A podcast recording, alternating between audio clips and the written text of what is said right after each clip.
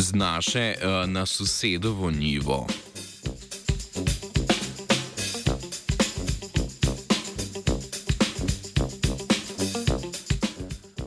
Avstraliji za uničevanje miši, ki povzročajo škodo na žitih, zlasti pšenici, uporabljajo vabe s pesticidom cinkovim fosfidom.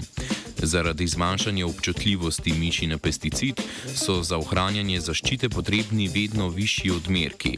Avstralska raziskovalna skupina v reviji Nature Sustainability poroča o manj invazivnem načinu zaščite posejanih semen pšenice pred razširjenim škodljivcem domačo mišijo. V študiji so z, z različnimi taktikami zakrivanja vonja semen pšenice domačim mišim v več kot 60 odstotkih preprečili, da bi našle posejana semena.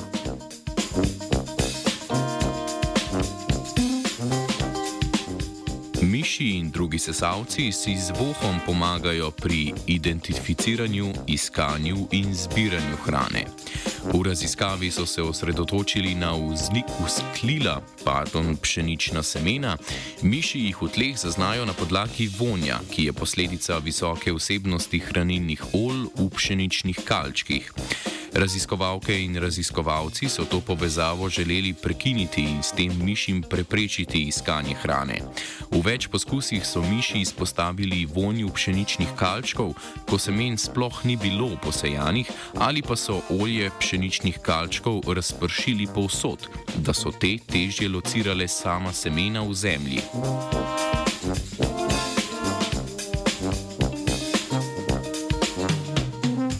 Študijo so izvedli na 27 hektarjih pšeničnih pol v Južni Avstraliji v spomladansko-poletnem obdobju razmnoževanja. Olje pšeničnih kalčkov so na omenjenih območjih razpršili na dva načina.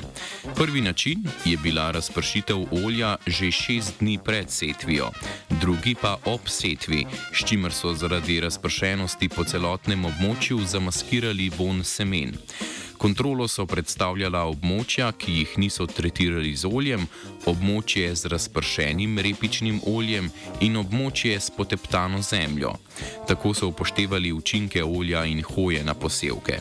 Da so preverili nastalo škodo po setvi, so na vseh območjih prešteli luknje, ki so jih izkopale miši, spremljali miši s kamerami in po dveh tednih prešteli tudi število zraslih posevkov.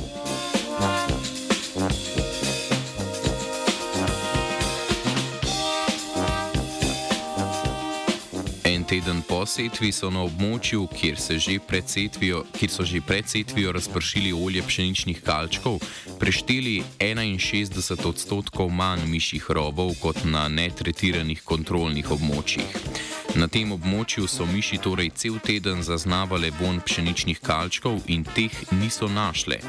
Zaradi zavedljivih informacij vonja so prenehale z iskanjem, čeprav so bila v tleh posejana semena.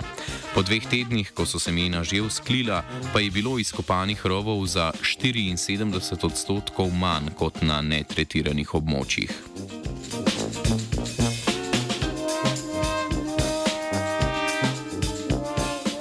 Območju, kjer so olje razpršili šele med setvijo, je bila po enem tednu škoda primerljiva z netretirano kontrolo.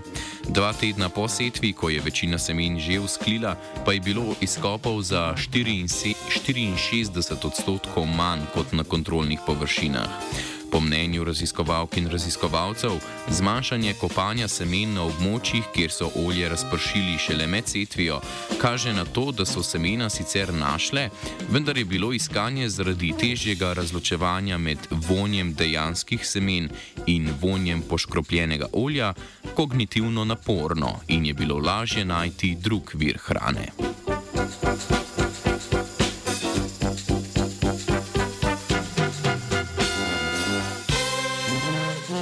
Metoda manipulacije vonja, ki so jo izvedli v študiji, po besedah raziskovalk in raziskovalcev predstavlja možno alternativo pesticidom, ki je cenejša, enostavnejša in z manj škodljivimi vplivi na okolje, predvsem miši.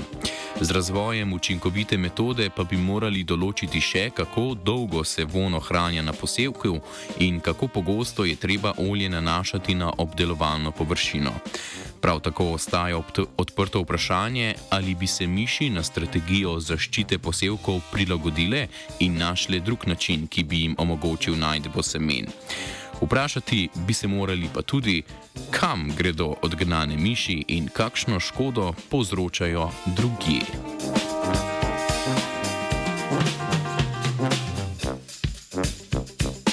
Pisala je Urška.